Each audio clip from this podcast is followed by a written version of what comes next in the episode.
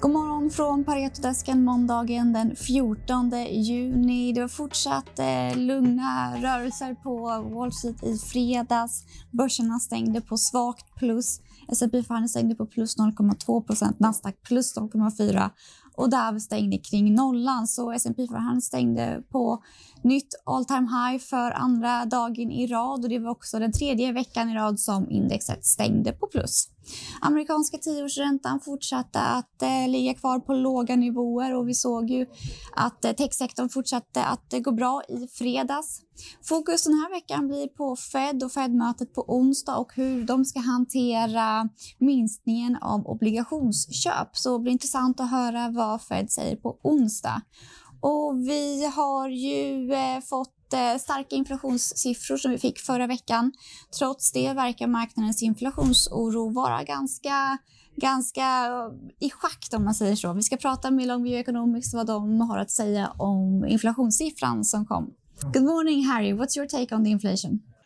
So yeah, inflation surprised to the upside quite significantly. I mean, the question this week um, will be whether or not the Fed start to change their language. You know, there are some in markets who are starting to get a little bit worried that inflation is a bit more persistent than they thought, that it's not just um, going to be high numbers for a couple of months and then fade away. It's not going to be transitory as the Fed has been describing it, but that it's going to stay around for a little bit longer. And then that may impact the Fed policy decision. So some sort of comment from the Fed on Wednesday, I think, will be key um, to give us a sense on when they might announce tapering and indeed when they might start tapering. They're not, they're not going to give us any precise timings, of course, but we'll be looking very closely for any kind of change in their language um, that suggests that inflation is a little bit stronger than expected or the underlying trend in inflation is worrying them a little bit more than they thought.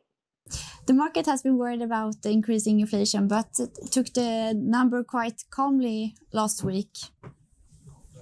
Yeah, I think certainly um, initially you'll remember the first reading we had for April was quite strong. Markets responded a little bit poorly to that, but then they recovered.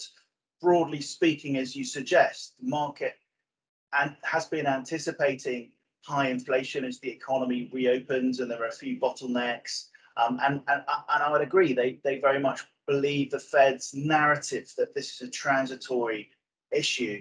The question is given that we've had now two months of much stronger than expected inflation, whether that narrative um, is something that we need to question and rethink. So far, markets don't seem to be too bothered. We, broadly speaking, we've had a downtrend in the dollar. Equity markets have been up, commodities have been trending up. So, you know, markets aren't positioned really for, for tightening from the Fed in response to high inflation. So that might be a very interesting theme in markets over coming months. If the Fed do need to start changing their narrative, if they do need to start preparing us uh, for tapering, then maybe we start to see a reversal in some of those asset prices we've seen over the past few months. Thank you Harry. Ja, och på Pareto har vi pratat eh, gruvsektorn med Johan Spets. Du skickar ut en uppdatering på Lundin Mining. Tror du att eh, metallpriserna kommer fortsätta stiga? Nej, egentligen inte, utan vi justerar ju våra metallprisantaganden egentligen upp till den marknaden redan är. Det har ju varit en väldigt stark period för koppar framför allt hittills i år.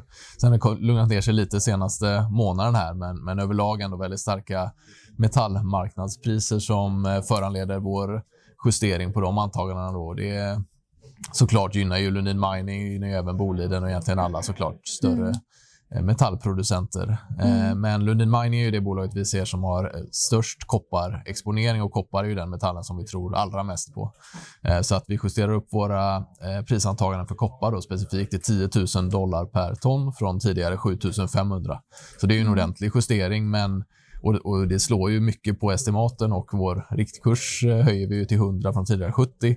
Men man ska ju ha med sig som sagt att det är ju egentligen bara att vi följer med marknaden upp till vad vi tror är en mer normal nivå framöver. Att det här är liksom mer det nya normala snarare än en tillfällig spike. Okej, okay, men du tror budskap. ändå att priserna ska, de ska inte komma ner? Nej, Eller vad är det, du tror? ja. Nej, vi, vi, vi, vi, delar ju in det i lite olika tidshorisonter då, och tror ju mycket på liksom en fortsatt cyklisk stark, eh, stark marknad, efterfrågebild i närmsta två, tre åren. Och sen tittar man 2023 och framåt, det är då vi tror man verkligen kommer se efterfrågeökning från hela elektrifieringstrenden. Mm. Eh, så att eh, man ska ju ha med sig att eh, koppar är ju den metallen som är allra mest central för hela energy transition-temat. Mm. Eh, och eh, det är inte så stor eh, reell efterfrågan från de kategorierna idag, men det är något som kommer komma närmsta tio åren som en väldigt stor strukturell drivkraft.